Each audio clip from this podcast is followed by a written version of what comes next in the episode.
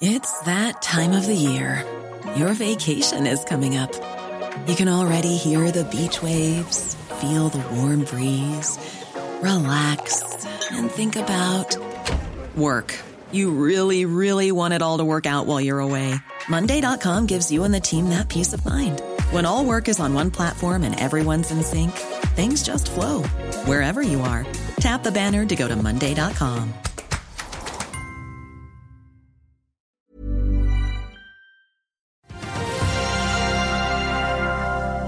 Rentespøkelset det fortsetter å prege børsene, men DNB de kan le hele veien til banken. Dette er 9. februar, og dette er Børsmorgen.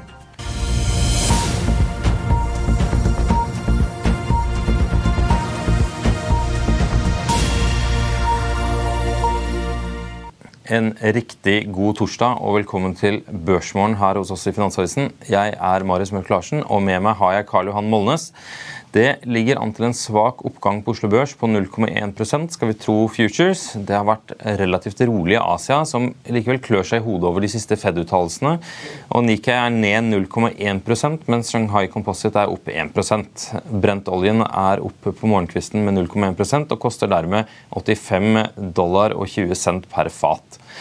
Du, Vi hopper rett i det, Karl Johan. God morgen. Hva har fått deg opp av nyheter i dag? Nei, Det er veldig mange selskapsnyheter. Vi begynner med det viktigste. TGS har jo kommet med fjerdekvartalsresultatene. og Det som er veldig bra, da, det er jo at de stemmer jo veldig godt overens med de analytikerne har. Det er imponerende når du vet at de har integrert eh, Magsize Fairfield. Så her har analytikerne vært veldig tett på og fått estimatene og fått det riktig for fjerde kvartal. Da. Men eh, nå begynner jo TGS en presentasjon vegg i vegg her, og jeg fikk snakket med de litt før det gikk på her nå. Jeg sa jo det at kursen har gått, men estimatene, EPS-estimatene har jo bare gått sideveis de siste tre månedene. så her eh, ja, Da sa de bare at ja, men de må opp nå, sa de. de må opp. Så det, Estimatene har legget, men analytikerne har brukt, eh, har brukt tida si på å få liksom stabla riktig eh, riktige tall for fjerde kvartal. Da. Nå må de begynne å se framover. Og de sier de har fått en rekke nye kontrakter, og eh, EPS-estimatene må opp. Og, og, men det er klart, aksjen har gått veldig sterkt siste uka,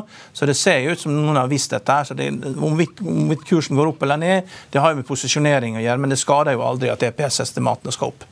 Ja, Hva skal til for å få de opp? da? Nei, Det er jo bare at analytikerne nå hører på presentasjonen her, og så, så, setter de seg ned og regner på dette her, og så oppjusterer de eh, tallene, og så kommer det notat på i morgen tidlig. Eller noen kommer i kveld også. Kan du forklare litt mer, Hva er det som, eh, som gjør at de skal opp? Nei, Det er jo fordi at de har fått flere kontrakter, og de har, eh, det selger jo veldig bra. og eh, TGS har jo også eh, det er jo late sales også. Sant? Du, du, selger jo egentlig fra et bibliotek, fra et databibliotek. Da. De, jo, de, sa jo det på olje- og energikonferansen i Sandefjord, at det er veldig stor aktivitet.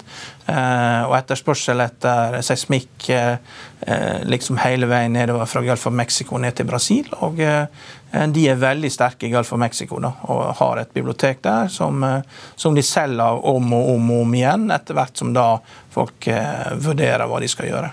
Tror du estimatene kommer til å komme opp? Helt sikkert. Ja. Uh, er det noe annet du har lagt merke til med TGS nå? Uh, nei, det, men det er bemerkelsesverdig at du skal klare å treffe så godt på estimatene når du har gjort en fusjon. Så her har, uh, her har analytikerne vært tett på. Altså det, det, ofte er det sånn at du, når du har gjort en fusjon og integrerer det, så kan du liksom Det stemmer ikke, ikke sant? Du får bare ikke til å stemme, og så må du så det, det, er tydelig. Og, og, for at konsensus skal stemme, så må jo alle som følger selskapet være på. Kan liksom, det er ikke nok at én eller to eh, har det rett, men alle som følger selskapet, har vært tett på. Og selskapet har vært flinke til å gi riktig informasjon. Ja. Hvis vi går litt videre, eh, hvis vi snakker litt om eh, DNB fordi det er jo kanskje ja. det som det, altså Naturlig nok, Norges største bank er jo den ja. som får eh, kanskje mest oppmerksomhet, rett og slett bare pga. volum. Men de har jo levert ganske, ganske gode tall i dag? Ja da, det er gode tall. Men det er klart dette handler om fjerde kvartal, og nå er vi inne i et nytt år. og Man må alltid se framover med aksjer. og eh, det, eh, det, det, som er positivt, da, er jo at tallene er jo bedre enn forventa. Det er eh, dividend payout her på 60% man forventer på 57% og inkluderer også en share buyback på en halv prosent og en cash-utbytte på 12,5 kroner mot forventa konsensusestimat på 10,8. Så, så, det er bra. Og, eh, Også veldig høye net interest income da, i forhold til forventa. 14,1 i forhold til 13,4. Og, men det er klart, her er jo det valutaeffekter også. Her kan det hende at analytikerne har hengt litt etter. og, og uh, Krona har jo vært veldig svak og rapporterer i kroner, og du har en del, uh, god del av aktiviteten i dollar. Og også kostnadene da, er vesentlig høyere enn forventa. 6,9 opp til 7,4. og Det er jo ofte sånn å være bankanalytiker i rolige tider. Det er jo noe av det enkleste du kan gjøre. Det er jo lineærframskriving. Eh, mye av det helt til det smeller. da. Så det er jo letteste jobben i verden til det smeller. Og når det smeller, så, så uh, så, så, så, så, ser de ikke rett fram, noen av de. Og det, det er jo ja. ingen, ingen forandring i finansielle måler. Cost income ratio under 40 og, og uh, ROE over 13 og ja, det, det er steady as she goes. Men du ser aksjemarkedet tar ned prisinga og er ikke villig til mer enn ni ganger earnings, og dividend yield på 6,5% Så det, det, er klart en bekymring for uh, at uh, det, vi kan gå inn i et år som er litt mer urolig enn det vi har bak oss, med større utlånstap. Da. Så har vi tatt litt større utlånstap, 674 millioner, mot konsensusestimat på 400 millioner. Og, Og de ser jo hva som skjer, og det er alle kan jo bare se på sin egen økonomi. det og eh, Boligrentene dobler seg, og strømregninga dobler seg. Og, og, likevel så får man til å gå rundt, så kan man jo lure på hva man brukte de pengene til før. Bare tull, ikke sant? Mm. Ja, for Du nevnte jo i, i, rett før vi gikk på lufta her at, uh, at dette er på en måte uh, tallene for hva som var. Ja. Og uh, nå er situasjonen en helt annen. Ja. Hvor fort tror du de vil, altså, hvor fort vil vi se noen endring her? Det er jo det er klart Første kvartalet blir jo en test. da, Det blir jo mange inn. Problemet Vi har jo hatt en bankkrise, og, og, det var jo ingen problem for folk å betjene boliglånene sine. Altså, det, var, det er ikke noe tap på boliglån, men problemet er at det, de pengene folk da bruker ekstra til å betjene boliglånet, de går ikke til bruk på tull og tøys, som da holder resten av økonomien i gang. Og da får du problemer med kommersiell real estate, altså næringseiendom. Og eh, næringseiendom har jo alltid vært bank, banksystemers svøpe i all tid. Altså det, det, er jo det, og, og hele den norske økonomien er jo oppbygd på pantesikkerhet i næringseiendom. og det er jo vanskelig, og, så, så, det er viktig at man da eh, viktig at det Eh, ja, at man finner liksom løsning på strømkrisen og løst den delen av det. At man eh, ikke liksom piner folk dobbelt her, eh, selv om at det vi ser ut til å like det bedre enn de fleste. Vi skal snakke mer om bank og renter, men før det så tar vi en kjapp reklamepause. Vil du bli oppdatert på det viktigste som har skjedd innen finans og næringsliv? Da er det bare å følge med, for hver morgen er jeg, Marius Lorentzen og aksjekommentator Karl Johan Malnes på plass i studio for å ta tempen på dagens marked i Børsmorgen. Og hver ettermiddag oppsummerer vi alt du trenger å vite i økonominyhetene, og det blir selvfølgelig masse interessante gjester. Klikk deg inn på fa.no-tv, eller søk opp Børsmorgen og Økonominyhetene der du hører på podkast.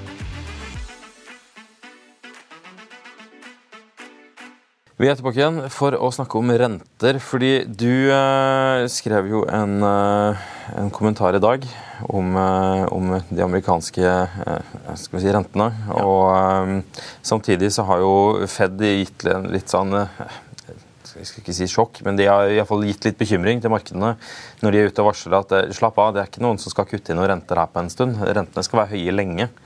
Hva er det som, som skjer i rentemarkedet nå? Det er jo at eh, Federal Reserve har økt renten med 4% og det får effekter. Vi trenger ikke gå lenger enn til eh, disse eiendomssyndikatene som har vært her i Oslo med, på Equinor-bygget og Storebrand-bygget. og Det er jo bare rett og slett en mye større, for større versjon av det. og og dette her er jo noe som alle trodde var helt støtt og stabilt og har vært lagt i private equity-strukturer. og Du setter pengene og tror du kan høste en yield. Men det er klart når rentene dobler seg, så, så går du fra at det har vært noe som har vært veldig høyt gira og har klart å pine ut en god, god og høy egenkapitalavkastning, til at det ikke går rundt lenger. Og, og det er veldig mange sånne typer strukturer som har blitt solgt da, til eh, institusjoner og private i, i, verden. Og da er det liksom 1000 milliard dollar som forfaller i, uh, i selskapslån uh, hvert av de tre neste årene. og vi kommer til, Økonomien kommer til å gå i veggen før at vi kommer så langt at vi begynner å, å, å ta dette her. fordi Altså det, det, du, du, kan ikke ha denne, den enorme renteoppgangen før det er et eller annet som går galt. At, ja. Fordi, men svære selskaper, Mye av dette er jo svære selskaper med mye omsetning. Har de ikke penger på bok? Jo, det er ti, ti av De ti største selskapene i USA de har to trillion dollar på bok. Og alle de 490 andre de har ikke penger på bok. Men det er jo det er en eiendomsstruktur, det er et fond som heter Breit, som er litt likt det eiendomssyndikat som er ute, har vært i Norge. Og de har jo måttet låne da penger fra det som tilsvarer da liksom Universitetet i Bergen, altså Calpers pensjonsfond, til over over 10% rente. Og Hvis du ligger og har eiendomsgild på eh, på 3-4-5 og så må du låne til 10 for å møte redemptions, da, for at du ikke skal bli default, så det er klart at det da, da, da, tikker klokka. Altså. Og, er, og, dette er jo bare liksom, dette er jo ting som er målbare. Det er jo eiendom der det er kontantstrømmer.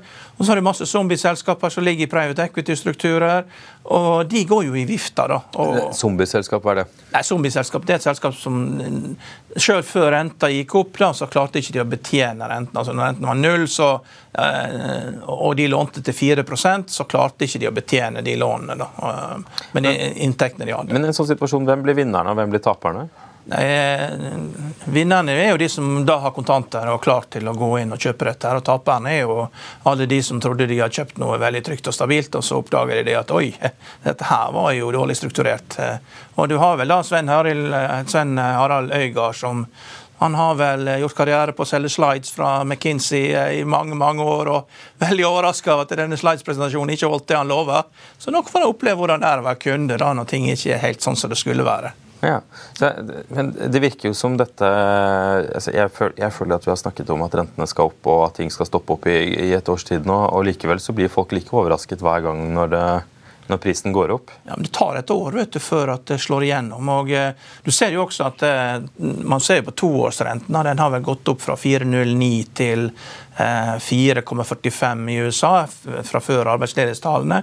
Så det, det, det, er jo altså det, er ikke noe, det er ikke noe rentning. Man må følge med på toårsobligasjonen for å se hva som skjer med rentene. og til slutt da, så vil jo det, altså Rentekurven er jo nå invertert. altså Det er høyere, nå nesten 1 forskjell på kortrente og langrente. og Det betyr at bankene i USA tjener mye mindre penger. og Det betyr også at det, det stopper utlåna, eh, fordi at eh, du kutter inn i for veldig mange av lånene er fastrentelån da, i fem, og sju og ti år. og Ikke som i Norge at alt er flytende. så En invertert rentekurve har ikke så stor effekt på norsk økonomi, men den har veldig stor effekt på, eh, på amerikansk økonomi. Så det, det, er liksom bremsemekanismen de har laget til da, for uh, å bremse økonomien. Og nå bremser det. Og uh, da blir det problemer. Når man snakker om uh, tilbake til at Fed varsler at, at, rentene skal være høye lenge, skal de være høyere enn dagens nivåer? Nei, det, det, det blir en renteøkning til. Altså, du, når du ser femtallet, så stopper det nok oppå. Men problemet da, som jeg også skrev I'll see you in court. Vi sier det ofte litt på spøk, men for deg som driver business, er det aldri moro å innse at du ikke har laget en 100% gyldig kontrakt. Du bør ikke risikere hele firmaet ditt fordi du synes dette med kontrakter er litt stress. En avtale er ikke en avtale. Du kan miste kunder, miste venner, ja, til og med miste inntekter om du ikke lager en skikkelig kontrakt, på alt mulig, egentlig. Men vi vet det er et styr. Kopimaskiner, tregprinter og haugevis av papir. Dessuten stoler vi jo på folk her i landet. Det er ofte litt kleint å skulle be om en signatur for alt mulig, ja, for mye av styret handler også om jakten på underskriften. Det finnes en enkel måte å løse dette på, Dukkobit, en trygg, effektiv og get this, gratis måte å sikre seg en god natts søvn pluss en juridisk bindende avtale. Dukkobit-appen har de strengeste sikkerhetskrav i bunn, samt en EU-godkjent og sertifisert teknologi. Framover vil det bli behagelig å spørre du, skal vi skrive under på det, eller? Kom i gang på dokobit.no. Kommentaren er at eh, alle vet jo det at eh, oljeprisen har falt med 30-40 eh, Bensinprisen har falt med 30-40% fra sommeren da, fram til nå. og, og hun som har kilden for den podkasten, sier jo det at Federal Reserve er veldig klar over at det er at inflasjon kan falle veldig raskt fram mot sommeren. Så hvis at inflasjonen stiger med 0,2 hver av de neste fem månedene, så kan du være nede i 2 eh, inflasjon. Men dette med higher for longer, de gjentar de for at de ikke skal liksom føle det, at, at folk skal skjønne at de, de, kommer ikke til å kutte renten bare fordi at inflasjonen faller raskt på forsommeren. fordi når du kommer til høsten igjen, så hvis da oljeprisen begynner å stige igjen, så vil de se ut som klovner hvis at inflasjonen stiger til 4% igjen. Det er det hun sier, og det er de fullt klar over. Det er derfor de legger dette eh, langtidsbildet på det. Ja. Vi må sveipe kjapt innom eh, fordi Orkla eh, skal vi se, de kastet jo eh, Jeg har lyst til å si de kastet sjefen sin ut i, på ja. vårparten i fjor. Ja. Da, var det, da, var det, nødvendig å gjøre andre ting. Ja. Som de, var det de sa for noe i den runden. at de, de, så behovet for en annen type lederskap going forward. Alle var venner, mens eh, avtroppende Orkla-sjef han sa at nei, han skulle nok gjerne vært i denne jobben litt til, men han hadde all respekt for hva styret meldte. Så det virket jo ikke som det var, kanskje var helt god stemning. Men eh, Jan Ivar Semlic han eh, gjør comeback i dette Stein Erik Hagen-systemet når han nå tar over som komplettsjef. Og det, Hvis du ser på aksjekursen, så er det tydelig at markedet syns at det var en topp nyhet. For nå er jo ja, Nå falt den fra 13 til 10 opp. Eh, nei, 13% opp på, eh, på, fra åpning i dag. Så det er tydelig at, at, med tanke på at resultatene deres i dag ikke var sånn eh, superspennende, så er det tydelig at, at nyheten om at de får ny konsernsjef, det var de absolutt eh, motivert av. Ja, han er jo en kjempeflink fyr, så det, det er jo positivt. Men, men Komplett har jo Hvor stor problemet til Komplett er, det vet jeg ikke. Men det, han er en veldig flink fyr, og det er sikkert en flott match. Ja, Det blir spennende å se. Det, nå er den opp nesten 15% her, så denne dagen blir interessant for de ja. som, eh, som, valgte å gå inn ja. i, i, datastyrte aksjer for en stund siden. Ja. Du, Vi har jo sendt vår eh, faste programleder til London, hvor han eh, deltok på Equinor sin, sin presentasjon. Kapitalmarkedsdag. Og Equinor har vært en netto selger av havvind og heller brukt penger på å satse mer på solen siste tiden. For det var noe fornybarsjef Pål Eitrem fortalte oss på kapitalmarkedsdagen til Equinor i London denne uken. Eh, Marius Lorentzen tok en prat med Eitrem for å høre hva han tenker om problemene flere vindselskaper melder om. Hvordan inflasjon og økte eh, rente rammer fornybarprosjektene, og ikke minst hvorfor Equinor ikke velger å øke fornybarmålet sitt. Bare se her. Pål Eitrheim, konserndirektør for fornybarvirksomheten til eh, Equinor. En eh, ganske sentral del av selskapet, i hvert fall når vi ser inn mot 20-, og 30- og 40-tallet. Men si litt om investeringsklimaet som dere opererer innenfor på eh, fornybar nå. Mange snakker om Inflation Reduction Act i USA og hva den gjør av insentiver og grep for å få opp investeringene i USA. Samtidig i Europa ser vi europeiske politikere har kastet på ny beskatning på energisektoren. Også i Norge har vi plutselig sett økte kraftskatter. Er USA egentlig mer interessant nå enn Europa? Nei, Det er jo litt ulike krefter som drar i ulike retninger. og Vi ser jo på noen områder så blir det mer eh, krevende, både med høyere kostnader, med høyere renter osv. Så, videre. så den, den biten ser vi jo alle. Samtidig så ser vi jo både i Europa og i USA en veldig iver etter å komme i gang og gjøre ting raskere. Uh, Inflation Reduction Act er jo en voldsom insentivering uh, av både lavkarbonaktiviteten og fornybaraktiviteten. Men det forutsetter jo da vilje, til å investere i USA, og at det er en lokalt innholdkomponent uh, i det. Men USA har blitt veldig interessant for oss, og en del av disse skatteinsentivene som nå er på plass, gjør USA interessant. Når det er sagt, så ser vi jo i Europa at ambisjonsnivået øker. Eh, beslutnings- og, og eh, liksom gjennomføringskraften eh, er gått opp ganske kraftig. Det er et ønske om å forenkle prosesser, få gjort ting raskere. Så jeg tror i sum så er tyngdekreftene på mellom og litt lengre sikt er bra for, for industrien. Så jeg føler ikke jeg må velge mellom Europa og USA. Jeg tror begge på sin måte vil være interessante markeder å, å investere i. Eh, hva med Asia? da? Dere har også mye prosjekter på gang, både i Japan. Dere jobber også med Korea. Ser dere noen av de samme tendensene der? Ja, Vi ser jo at uh, dette er jo økonomier som har uh, klare klimamål, og som er på en omstillingsplan fram mot uh, 2050. Så Det er jo disse transisjonsøkonomiene vi syns er interessante. For Der ønsker en jo å bruke fornybar til å supplere energisystemene, og der referansepunktene ofte er ganske dyre alternative kilder av energi. Så både Sør-Korea, Japan er interessante for oss. Vi har tatt noen tidlige posisjoner i Australia som vi tror blir et viktig eh, marked. Så Asia er definitivt eh, viktig, men det ligger kanskje litt lenger fram i, i løypa enn noen av de mulighetene som vi ser både i USA og i eh, Europa.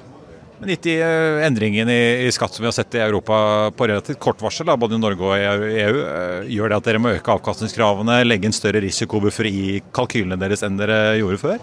Vi har jo lite direkte markedseksponering på en del av de volumene som vi har. Så jeg tror eh, per i dag så er ca. Eh, over 40% av den eh, porteføljen som ligger hos oss i, i dag, har jo langsiktige kontrakter med, med myndighetene, typisk i, i, Storbritannia.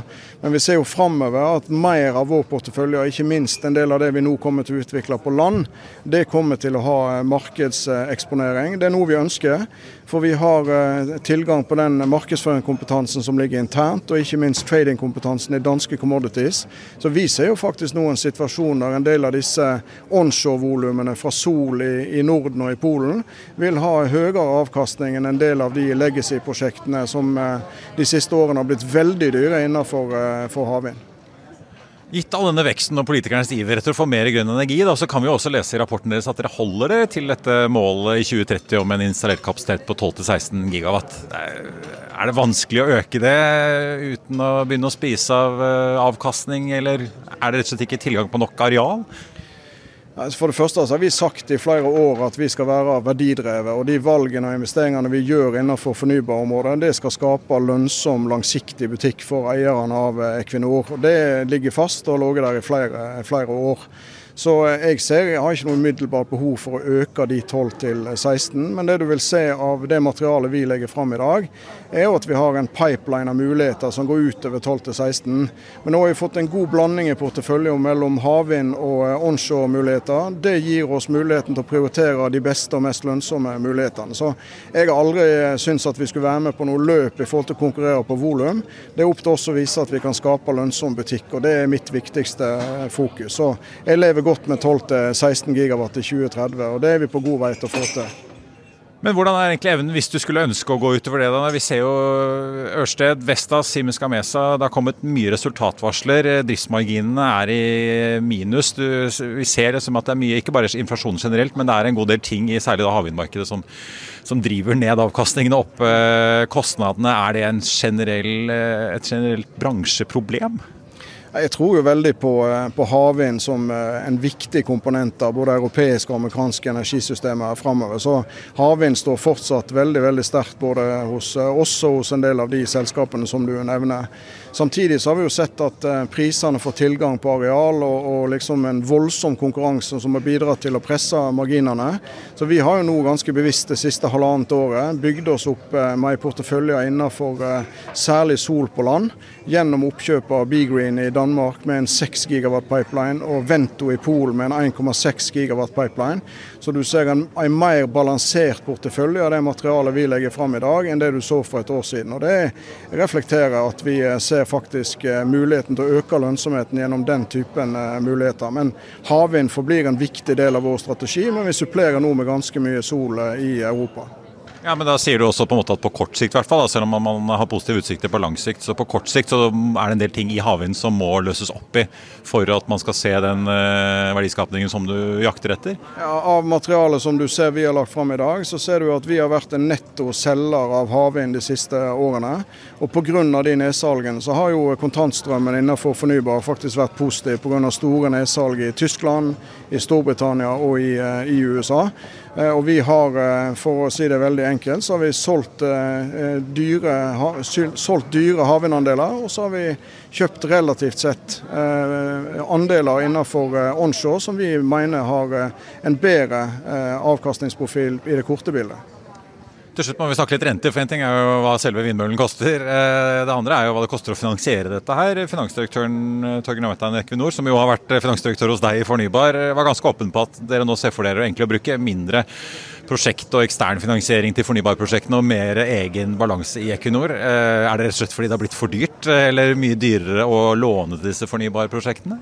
Ja, Vi ser jo at eh, kostnadene har eh, gått opp, så det er en del av Men det andre er jo at vi faktisk har muligheten til det. Så Vi har jo fleksibilitet til å kunne bruke balansen når vi mener det er riktig, eller prosjektfinansiere når vi føler at det er riktig. Så, men så er det òg en refleksjon over porteføljen vår endrer seg. Eh, med mer onshore-aktivitet, og særlig sol, så er det ting vi eier 100 eh, Det gir oss mulighet til å kontrollere elektronene og trade de i, i markedet. Så det er jo òg en, en, vilje til å bruke balansen vår for å realisere den oppsida som vi ser i handelsvirksomheten rundt onshore. Og Det er jo veldig få offshore-prosjekter som vi eier 100% men på land gjør vi faktisk det. Og så ønsker vi å koble det sammen med den kompetansen som finnes internt hos oss, men òg i danske commodities. Og Det ser vi ganske mye oppsider i. I mellomtiden, hvis du ikke har fått med deg hele sendingen, så kan du også høre denne som podkast der du hører podkast, det være seg Spotify, Apple eller andre plattformer. Da er det bare å søke opp Økonominyhetene eller Børsmorgen, så finner du det du trenger for å være oppdatert på dagens eh, børsnyheter. Eh, med det så sier jeg takk for i dag, Karl Johan, og så eh, ses og høres vi klokken 14.30.